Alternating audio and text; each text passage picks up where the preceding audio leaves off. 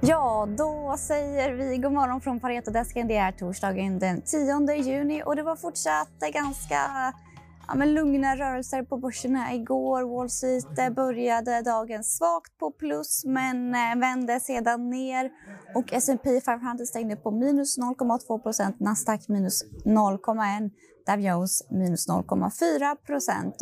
Den amerikanska tioåringen har ju rört sig neråt sista tiden och fortsatt att tryckas ner efter den svaga jobbdatan vi fick i fredags. Igår så backade räntan ner till under 1,48 procent och eh, om man då jämför det med eh, toppen i år på 1,77 procent så ja, rör sig räntan neråt, vilket är positivt för techsektorn bland annat. Dagens höjdpunkt idag, förutom att vi ska prata iGaming med Marlon Wernick, är att vi får amerikansk eh, inflationsdata. Vi får också inflationsdata från flera länder, men speciellt intressant blir den från USA. Vi får också ett eh, ECB-möte. Och här på Pareto då, Marlon, Marlon Wernick, du gör en uppdatering av iGaming-sektorn. Eh, berätta. Eh, ja, men precis. Eh, det är väl ingenting nytt så egentligen. Vi ligger kvar fortsatt positiva till sektorn. Eh, vi har köpt i samtliga bolag under coverage förutom Betsson som ligger kvar på en, eh, på en hold. Ehm, kollar vi hur det har gått så, så fortsätter eh, svensk iGaming att outperforma internationella peers. Och framförallt så är det såklart Evolution som är ett draglok där som går fortsatt väldigt, väldigt starkt. och, och lyfter hela sektorn. men både internationella iGamebolag och svenska iGamebolag fortsätter att outperforma benchmarks. Så, så uh, fortsatt positiva uh, vindar för, för hela sektorn. Så, så, så, det är kul. Mm, det har väl varit lite mer skakigt under uh, våren? Ja, men det har ju varit lite tech-oro och så som tagit ner lite, eller skakat till i alla fall lite de senaste månaderna. Men jag menar, kollar vi sett ur year to date-graferna så är det fortsatt överlag positivt rakt igenom för, för iGaming-sektorn. Så och framförallt så är det om man kollar på vilka bolag som har performat starkast eh, så är de svenska bolagen i toppen. Catena Media och sen så är det Evolution och Kindred eh, där båda de sistnämnda har varit våra favoriter i sektorn. Så um, nej, det är fortsatt, eh, fortsatt starkt om man drar ut kurvan lite. Mm, och vill du upprepa igen vilka dina favoriter är? Ja, nej, men vi, vi står kvar vid, som tidigare. Då. Eh, Evolution, Kindred, de vi pushar eh, tillsammans med Kambi, de tre. Eh, de först två förstnämnda är de vi ser lite starkare på. Eh, pratade om tidigare, Kambi case var väldigt starkt förra året. Vi ser fortsatt starkt på Kambi, men, men, inte lika starkt case där som det var förra året. Eh, både Kambi och Evolution är ju ett starkt play på legaliseringen av, av sportsbetting och, och kasino eh, utanför Europa. Eh, och Kindred, där, där har lite USA också, men framförallt så är det eh, multipel potential men också estimatpotential i, i caset, vilket är, känns tryggt. Så ja, det, det, är de tre vi fortsätter pusha, Kindred, Evolution och, och Kambi helt enkelt. Så ja, positiva mm. där fortsatt.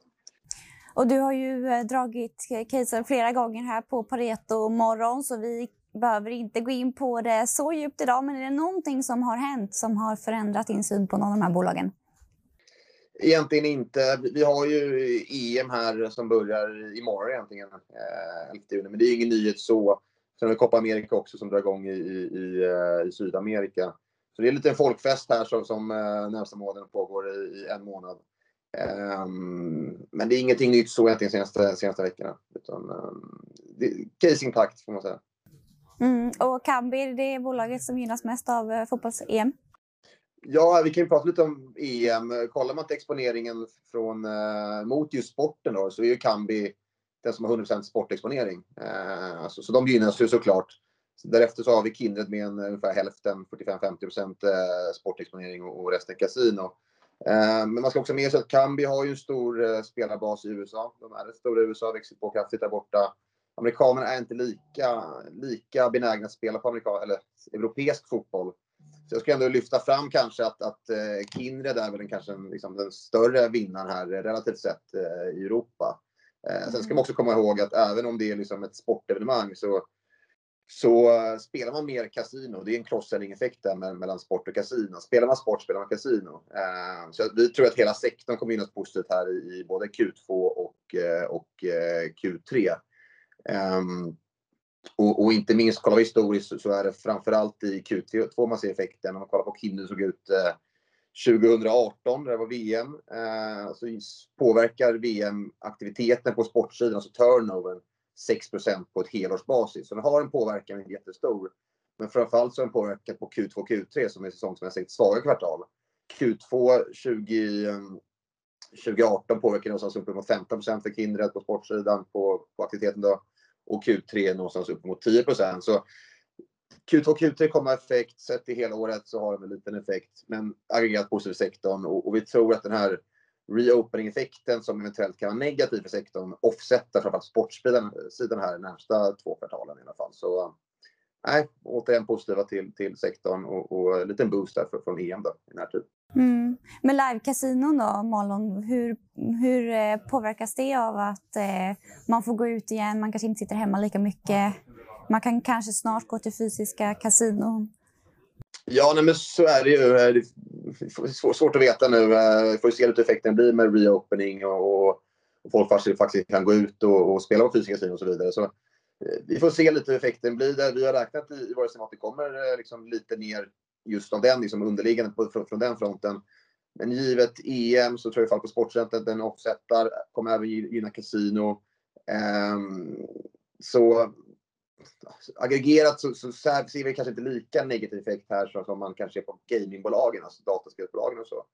Eh, som för iGaming-bolagen. Men, eh, men vi får se. Men, men, eh, men EM blir i alla fall positivt både för, för sport eh, och, och kasino här i, eh, i närtid. Så, så, så det är bra. Mm. Ja, spännande. Tack så jättemycket Malon. Tack själv. Tack så mycket för att ni har lyssnat. Imorgon är det fredag, veckans sista Pareto morgon. Missa inte det och ha en bra torsdag.